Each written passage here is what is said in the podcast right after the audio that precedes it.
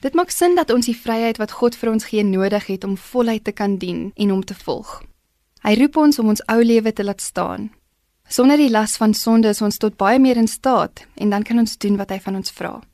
Selfs met dit in gedagte het ek nog altyd Lukas 9 as 'n uitdagende skrifgedeelte ervaar. Ek lees vanaf vers 57. Terwyl hulle op pad was, sê iemand vir hom: "Ek sal u volg waar u ook al gaan." Toe sê Jesus vir hom: "Jakkalse het gate en voëls het neste, maar die seun van die mens het nie eens 'n rusplek vir sy kop nie." Aan 'n ander een sê hy: "Volg my." Maar hy antwoord: "Here, laat my toe om eers terug te gaan om my pa te begrawe." Toe sê Jesus vir hom: Laat die dooies hulle eie dooies begrawe, maar gaan verkondig jy die koninkryk van God. Nog een het gesê: Ek sal U volg, Here, maar laat my toe om eers my familie by die huis te gaan groet. Toe sê Jesus: Iemand wat die hand aan die ploeg slaan en aanhou omkyk na wat agter is, is nie geskik vir die koninkryk van God nie. Dit klink vir my hard. Jesus se uitnodiging: Volg my. En dan so 'n definitiewe harde reaksie wanneer die persoon vra dat hy eers iets kan gaan afhandel. Hoekom?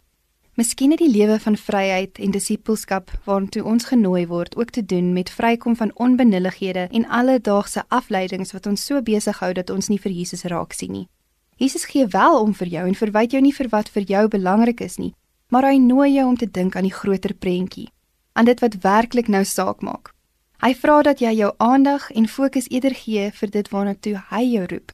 Verder vra hierdie skrifgedeelte dalk vir jou om teenwoordig te wees in die nou. Hoeveel keer spandeer ons tyd en moeite aan dinge wat eintlik al in die verlede is? Iets wat aan my gedoen is of die manier hoe dinge was.